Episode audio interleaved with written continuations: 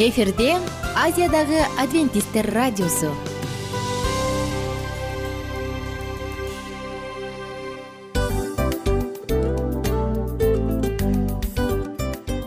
Достор салют. Баардык сүйүктүү угармандарыбызга салам айтабыз. Кутман күнүңүздөр менен. Ден соолук өмүрдүн булагы демекчи саламат саамы программасында баарыңыздарды көргөнүбүзгө абдан кубанычтабыз. Анда алгач амандашып өтөлү арбаңыздар деп. Ден соолугуңуздар кандай элибизде көбүнчө ден соолук кандай дегенде эле жакшы деп жооп беребиз э ооруп турсак дагы жакшы дейбиз. Анан мен муну айтып ойлойт элем бул абдан сонун сөз депчи анткени бул жакшы деген үмүт да э баары жакшы болот баары сонун. Үмүттөнүп атып эле өзүбүздү өзүбүз дарылап коебуз. Анысы кандай сиздин дагы ден соолугуңуз жакшы беш деген үмүттөбүз чындыгында ден соолук бул өмүрдүн булагы деп бекеринен айтылган эмес деп ойлойм. Кыргыз элинде анткени эгерде ден соолук жок болсо анда адамдын жашоосунда калган баардык керектүү маңыздуу нерселер өзүнүн баалуулугун жоготуп коет. Ошондуктан ден соолук бул эң керектүү нерсе. Ооба туура айтасың кесиптешим. Чынында ден соолугуң жок бир эки үч күн ооруп калсаң эле э кандай болуп калат? Жашоодо көз каранды болуп каласың көп нерсеге жетишпей каласың көп нерсени кыла албай каласың. Жада калса эшикке дүкөнгө да чыга албай каласың. Туптуура анан ден соолук болсо демек биз биздин бактыбыз тотой деп койсок болот. Анда достор саламат рубрикабызды баштайлы. Алдыда өзүңүзгө керектүү болгон сонун кеңештерди уга аласыздар. Мына ошондуктан биз менен бирге болуңуздар. Ал эми биз болсо милан жана айнура. Кеттик алга. Алга саламат саама ден соолуктун жарчысы. Саламат саама ден соолуктун ачкычы. Күн сайын сиз үчүн мыкты кеңештер сонун жаңылыктар кызыктуу фактылар биздин рубрикада.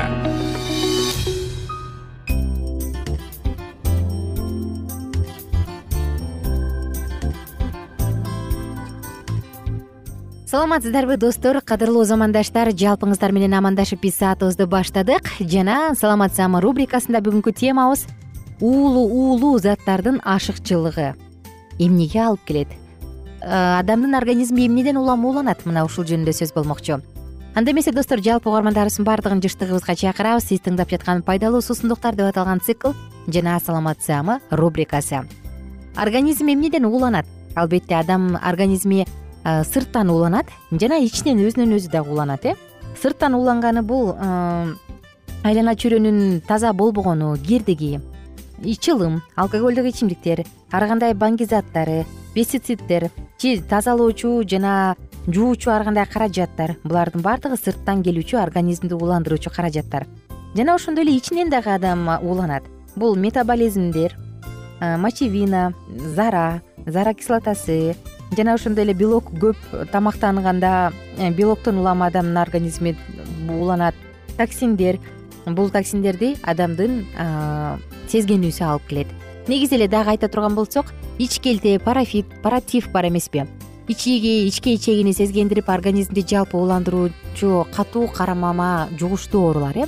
Оорунун козгогучтары бактериялар булардын баардыгы тең организмди уулуктурууга ууландырууга алып келет. Мына ошондуктан бул нерсе дагы коркунуч жаратат. Жана ошондой эле ала турган болсок кадимки эле ангина ангина чүчкүрүк жөтөл аркылуу жугат. Ангина дагы сасык тумоосу маалы эле жугуштуу ооруну стриптокок бактериялары коргойт. Аталган бактерияларды кир идиш аяктар жана жуулбаган жемиштерди колдонгондо ангинага чалдыккан адам менен байланышканда жуктуруп алса болот. Анан албетте ангина дагы адамдын организмин ууландырат. Көбүнчө отуз жашка чейинки адамдар көбүрөөк кездешет э. Жана биз тамак аштан ууланабыз. Аны да айта кетпесек болбос башкы себептер бул бат бузулчу азыктар. Өзгөчө күн ысыган маалда тамак аштан ууланып калуу коркунучу жогорулайт эмеспи? Отравление деп коет. Бул дагы сапасыз даярдалган бузулган же уулуу тамак ашты жегенден улам же суусундукту ичкенден улам пайда болчу курч кармоочу оору. Бул дагы уулануунун бирден бир себепти. Эми биз уулануу жөнүндө сөз кылып калдык. Ууланууда э, деги эле эмне болот? Ууланганда албетте бөйрөккө күч келет бөйрөккө күч келген соң бөйрөк жакшы иштей албай баштайт. Бөйрөктүн саламаттыгы үчүн кам көрүш керек болот боорду айтпасак болбос боордо дагы албетте чоң күч пайда болот. Күч күч келет. Тагыраак айтканда анан албетте боор дагы өзүнүн функциясын так даана аткара албай калгандан улам организмде уу заттары көбүрөөк сиңе баштайт. Бүгүн сиздер менен бөлүшө турчу нерсе бул супер детокс деп аталат. Супер детокс. Супер детокс согу бул адамдын организминдеги ар кандай уулуу ашыкча уулуу заттарды чыгарганга жардам берет. Негизи көптөгөн оорулар организмде токсиндердин көп чогулушунан улам пайда болот э? Булар сырттан жана ичтен пайда болгон уулар. Жогоруда айтып өттүк кандай экенин? Тилекке каршы биздин организм өзүн өзү тазалоого канчалык бир деңгээлде жөндөмдүү э? Бул ар кандай бөйрөк жана боор аларды уулуу заттардан тазалайт дагы сыртка зара аркылуу заң аркылуу чыгарат эмеспи. Бирок ошентсе дагы кээде биздин каныбыздын курамында дал ушундай токсиндер өтө жогору болуп калат дагы.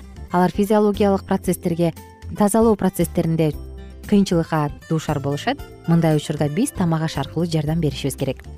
Бүгүн айта турган соктун аталышы супер детокс деп аталат. Булар организмден токсиндерди оңой чыгарат жана ошондой эле кандын айланып жаткан канды жакшыртат жана албетте ооруну пайда кылуучу ар кандай оорулардын баардыгын жокко чыгарат супер детокс бул классикалык тазалоочу сок анын курамында бадыраң имбирь кызылча жана башка азыктар бар. Булардын баардыгы тең. Организмге эч кандай зыянын тийгизбестен сонун кылып тазалап кетет. Эмесе супер детокс деп аталган смузини сокту даярдаш үчүн бизге эмне керек? Ингредиенттер менен бөлүшсөк эки порция үчүн эки жүз элүү миллилитрден ар бири бизге беш сайвиз керек орточо өлчөмдө эки алма керек. Орточо өлчөмдө алар тазаланбаган экологиялык жактан таза болсо сырты ачылбай эле койгону жакшы. Эгерде таза эмес болсо анда сыртын ачыш керек. Сельдерейден төрт тал чөп бир лимон орточо өлчөмдөгү. Эгер экологиялык жактан таза болсо анда сырты менен кожурасы менен кошсо болот. Эгер андай эмес болсо анда сыртынан ачыш керек. Эми болсо достор даярдай баштайлы лимондун сыртын ачыңыз арчып салыңыз анан булардын баардыгын тең соковыжималкадан өткөрүңүз. Болду. Супер детокс деп аталган сонун шире даяр. Дагы бир жолу кайталасам беш сабиз эки алма төрт сельдерей чөбү бир лимон.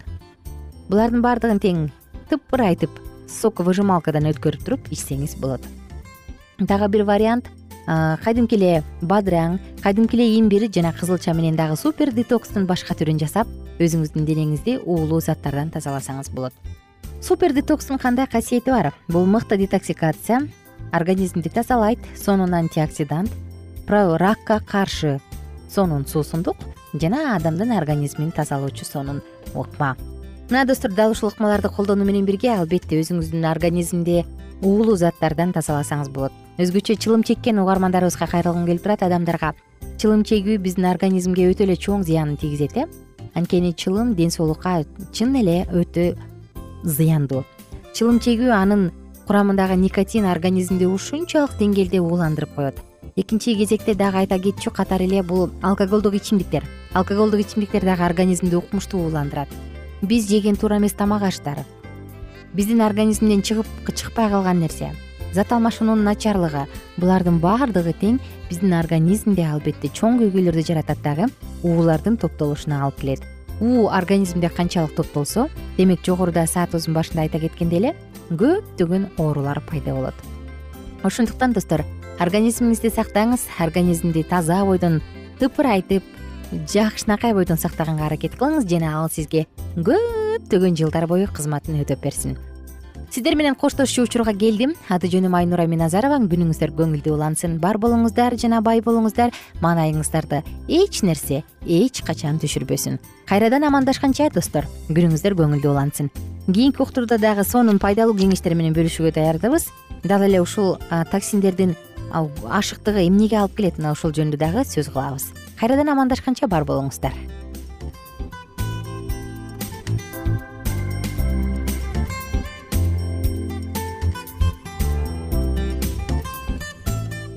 кененирээк маалыматтар үчүн үч w чекит саламат чекит клуб сайтына келип таанышыңыздар.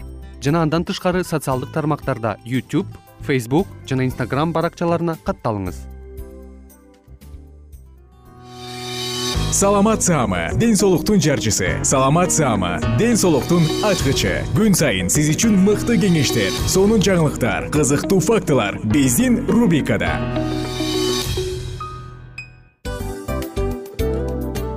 салам достор. Кайрадан биздин сүйүктүү рубрикабызга кош келиңиздер деп айтмакчыбыз.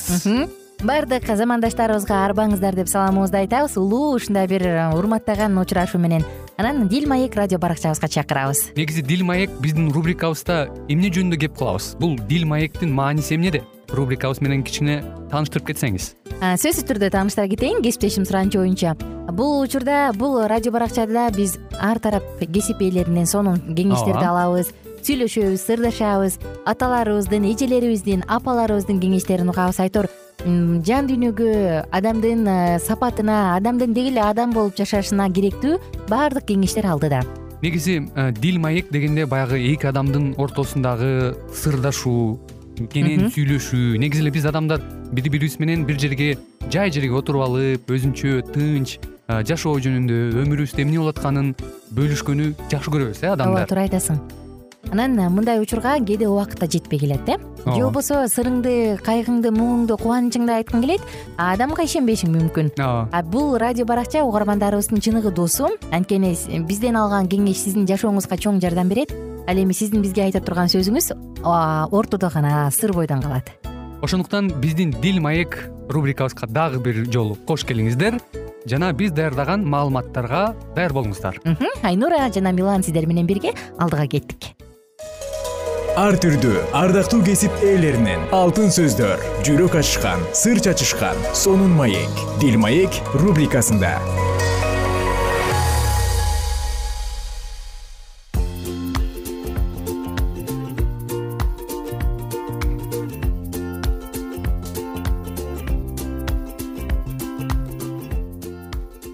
Кутман күнүңүздөр менен кадырлуу замандаштар жалпыңыздар менен дил маек уктуруусундабыз. Бүгүнкү тема бул жердеги жана келечектеги сыйлык. Достор чындыгында сыйлык дегенде ар бир адамдын көөдөнү өйдө көтөрүлүп кулактары түрүлө түшөт э? Жумуштан премиальный алганда сыйлык алганда же бир жерден сага атайын официалдуу түрдө сыйлык тапшырганда о бул кандай гана чындыгында кубаныч тартуулайт мына ушул сыйлык бүгүн дагы биз тема кыла туруучу сөз кылуучу тема бактылуу үй бүлө деп аталган цикл жана бул циклда сиздер менен бирге үй бүлөнүн бактылуу болушу үчүн эмне керек экендигин дагы да улантабыз. Чыныгы ишенүүчүнүн үйү бул асман жашоосуна окшогон бир бир үй бүлө жашоосу дейт. Элеонор де лоан бул жердеги жана келечектеги сыйлык жөнүндө сөз кылсак. Эгерде ата энелер балдарына керектүү тарбия берише турган болушса анда алар кубанычтуулук менен өздөрүнүн үзүрлүү эмгегинин жемиштерин балдарынын мүнөздөрүнөн көрө башташат. Алар кудай үчүн жогору кызмат аткарып жатышат. Өз балдарыңарга ойлоо жөндөмдүүлүгүнө таандык маданияттарды куюштургула жана аларга адеп ахлактык таалим тарбия бергиле. Алардын жаш аң сезимин бекем таза негиздер менен бекемдегиле. Азыр силердин мүмкүнчүлүгүңөрдүн болушунча адилеттүү мүнөз болушу үчүн анын негизин куруп баштагыла. Силердин эмгегиңер жүз эселенип сыйланат карагылачы кандай гана сонун сөздөр. Жакында негизи бир бир агым айтып коет эмеспи э? Балдарыңарды тогуз жашка чейин эле бизге бергиле ошого чейин биз жакшынакай кылып тарбиялап беребиз. Анан тогуз жаштан кийин каалаган жакка алып баргыла. Андан кийин болду биз кийлигишпейбиз депчи. Бул нерсенин дагы сыры абдан зор. Баланын кичинекей кезинен жүрөгүнө чындык жолун салып койсоң анда албетте бул биздин жеңишибиз вифлеемге жакын жердеги талаадан периштелердин ырларын малчылар уккан. Ошол түнгө караганда асман менен жер азыр бири биринен алыс эмес. Бүгүн деле кудай адамдар үчүн ошол кездегидей эле камкордук көрүүдө. Жөнөкөй адамдар өздөрүнүн күнүмдүк иштери менен айланышып эле жүрүп периштелерди чаңкайдын чак түшүндө жолуктурушкан. Жана асмандан келген элчилер менен талааларда жана жүзүмзарларда сүйлөшүшкөн.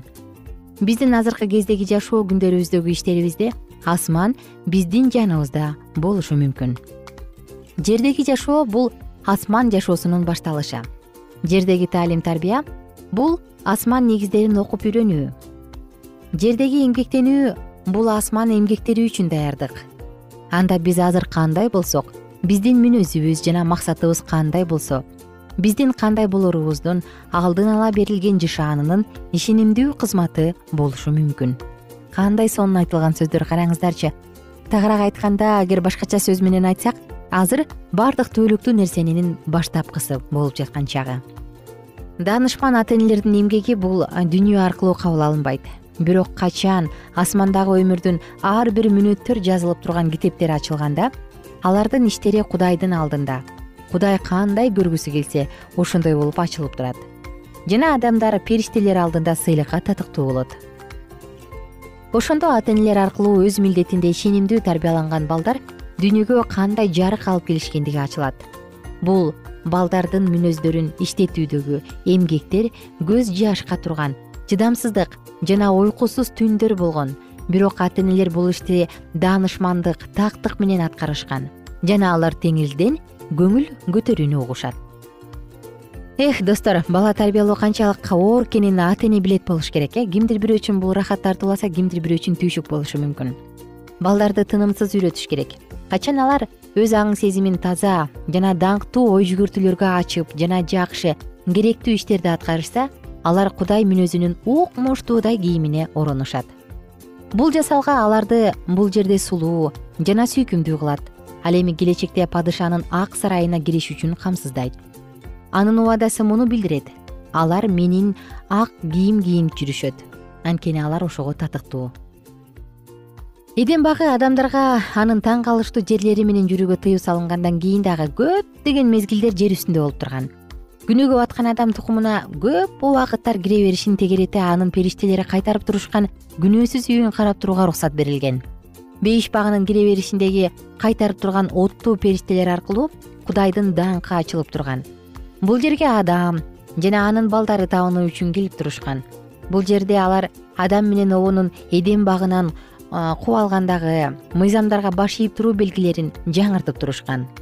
Качан дүйнөнү мыйзамсыздыктын толкундары жаап калганда жана адамдардын туура эмес иштери аларды топон суудан өлүүгө белгиледи. Ошондо эдем багын отургузгандардын колу аны жерден алып кеткен.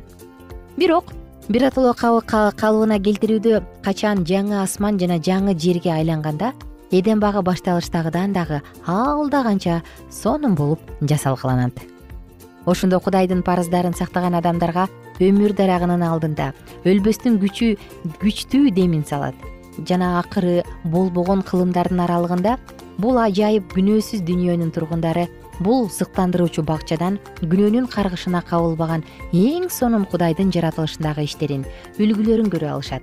Бул үлгү эгер адам жаратуучунун даражалуу көргөзмөлөрүн аткарган болсо бүт жер жүзү эмнеге гана айланмактыгы тууралуу болмокчу. Мына достор ушундай кеп бүгүн сиздер менен бөлүшө турган темабыз дагы ушул болду. Азыр убактыбыз аз калды ошондуктан кийинки уктурууда кайрадан бул теманы улантабыз. Бул жердеги жана келечектеги сыйлык сыйлык. Албетте ар бир адамды шыктандырат э? Сыйлык деген сөз өзү эле канчалык кубат берет мотивация берет. Мына ошондуктан эгерде сиз ата эне болсоңуз бир үй бүлөнүн президенти болсоңуз бир үй бүлөнүн башчысы болуп бир үй бүлөдө балдарды тарбиялап жатсаңыз демек сизде чоң сыйлык алууга мүмкүнчүлүк бар. Жана сизге жаратуучу эң чоң жоопкерчиликти тапшырган. Бул баланы асман падышачылыгы үчүн тарбиялоо сиздин аны кийинткениңиз таттуу тамактар менен тамактандырганыңыздан дагы маанилүүсү жан дүйнө руханий дүйнөсүн жандандырып ошону бакканыңыз. Мына ошондуктан ар бир үй бүлөгө ар бир ата энеге кааларыбыз жаратканыбыз сиздерге бул иште жардам берсин. А мен болсо сиздер менен коштошчу учурга келдим. Кийинки уктуруубузда дал эле ушул келечектеги сыйлык жөнүндө темабызды андан ары улантабыз. Баардык угармандарыбызды кийинки уктуруубузга чакырабыз достор эмне дейли? Күнүңүздөр көңүлдүү улансын. Бар болуңуздар жана бай болуңуздар.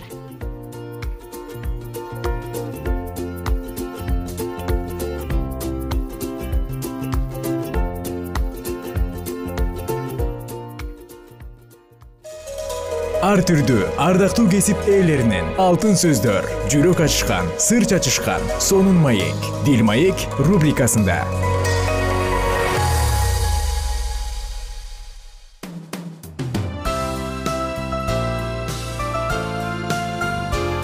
эфирде азиядагы адвентисттер радиосу.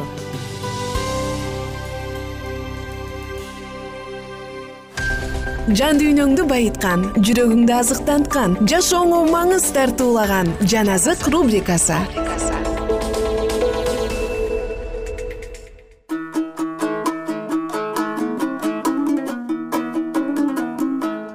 кутман күнүңүздөр менен кадырлуу замандаштар. Жалпыңыздар менен жан азык уктуруусундабыз.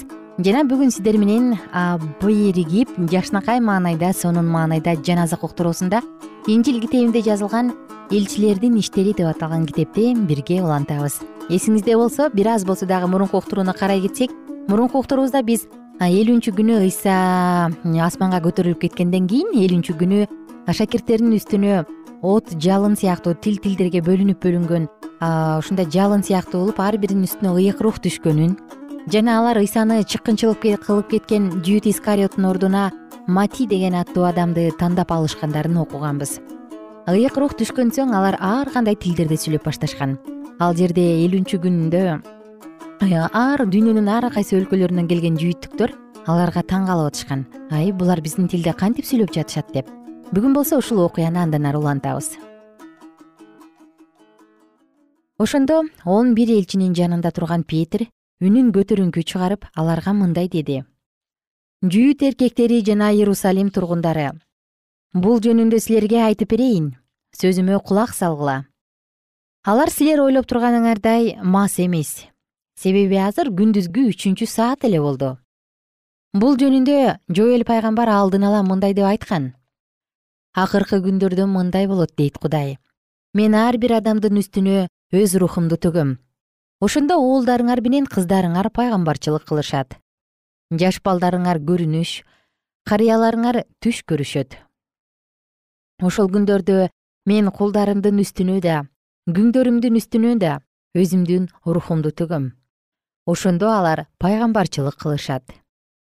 Асманда кереметтерди жер үстүндө жышаандарды көрсөтөм. Алар кан от жана түтүн теңирдин улуу жана коркунучтуу күнү келэрдин алдында күн караңгылайт. Ай кандын өңүндөй болуп кызарат.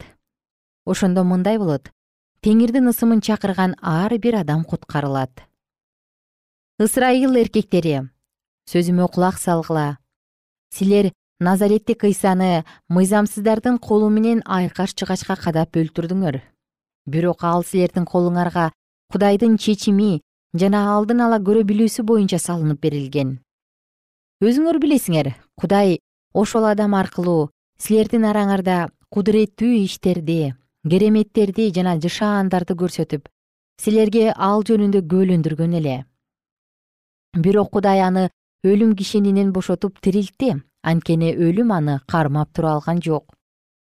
Дөөт ал жөнүндө мындай деп айткан теңирди мен өзүмдүн алдымдан ар дайым көрүп турдум. Анткени ал менин оң жагымда.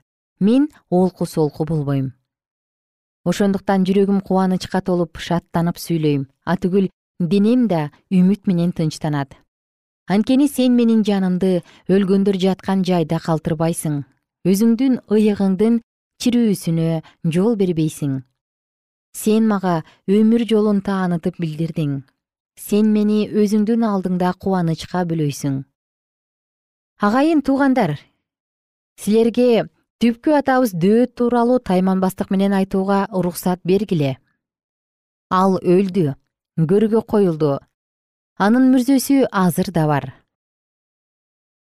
Ал пайгамбар болгондуктан жана кудайдын сенин тукумуңдан машаяк чыгат.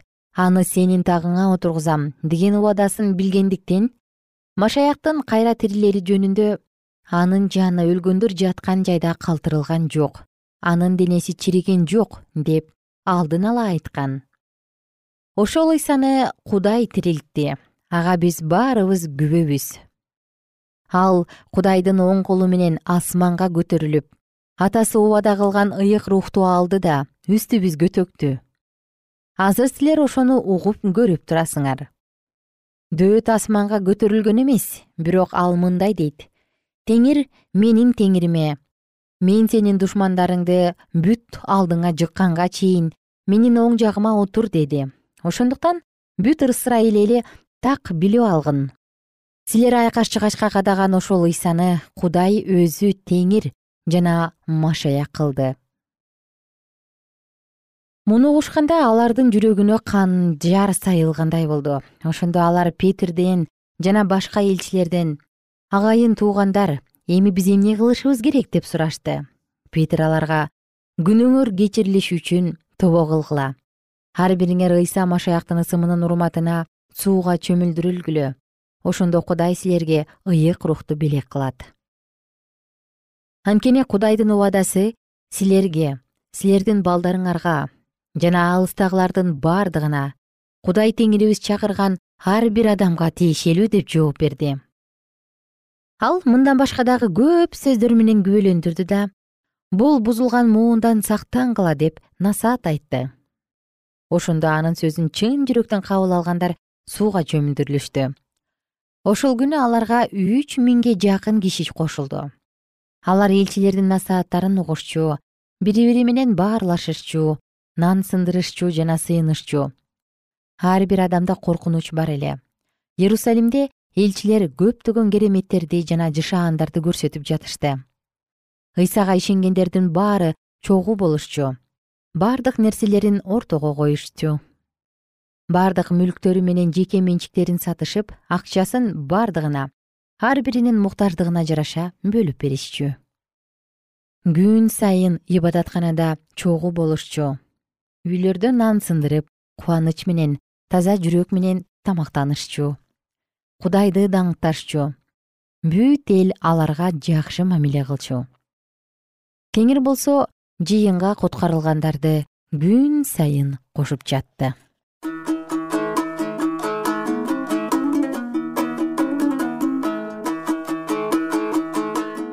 ардактуу достор караңыздарчы кандай сонун окуя? Муну уккан кулак кубанат э, э кандай гана ынтымак кандай гана керемет кандай гана кубаныч чыныгы таза кубаныч. Биз болсо саатыбыздын соңку мүнөттөрүнө келип калдык. Жалпыңыздар менен саатыбыздын соңунда кудай ар бир баласын сүйөт кудай ар бир адамды сүйөт экенин айта кетели дедим. Кудай сизди дагы өзгөчө сүйөт. Анын сиз үчүн планы дагы абдан чоң. Ал сиздин түбөлүк өмүргө ээ болушуңуз үчүн дал ушул ыйса машаякты жерге жиберген. Бар болуңуз баталуу болуңуз кийинки уктуруудан кайрадан амандашканча аманчылыкта туруңуздар.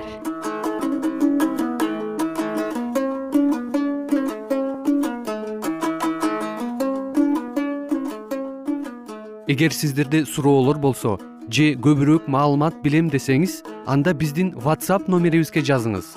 Плюс бир үч жүз бир жети жүз алтымыш алтымыш жетимиш кайрадан плюс бир үч жүз бир жети жүз алтымыш алтымыш жетимиш.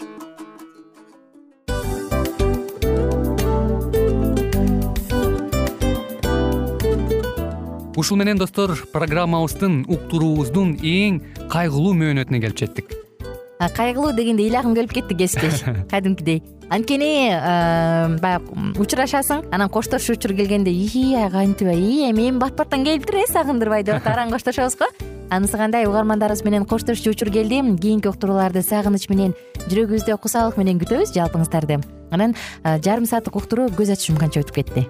Сөзсүз бирок бизде жакшы кабар бар. Кийинки уктурууларыбызда сөзсүз дагы кезигишебиз. Анткени биз көптөгөн сюрприздерди кызыктуу маалыматтарды жана керектүү керектүү нерселердин көбүнчөсүн даярдадык анда угармандарыбыздын баардыгына ийгиликтүү күн каалайбыз эгерде бүгүнкү күнүңүз өзгөчө э, өтүшүн кааласаңыз анда позитивдүү ой жүгүртүп жылмайып жакындарыңызга жакшы маанай тартуулап жүрө бериңиз. Анткени сөзсүз түрдө мунун арты кайтат э? Сөзсүз. Баягы ден соолугуңа оңолот ал бул деп көп нерсени санап келебиз. Эң негизгиси бул сиздин жашооңузду жаркын кыла түшөт экен.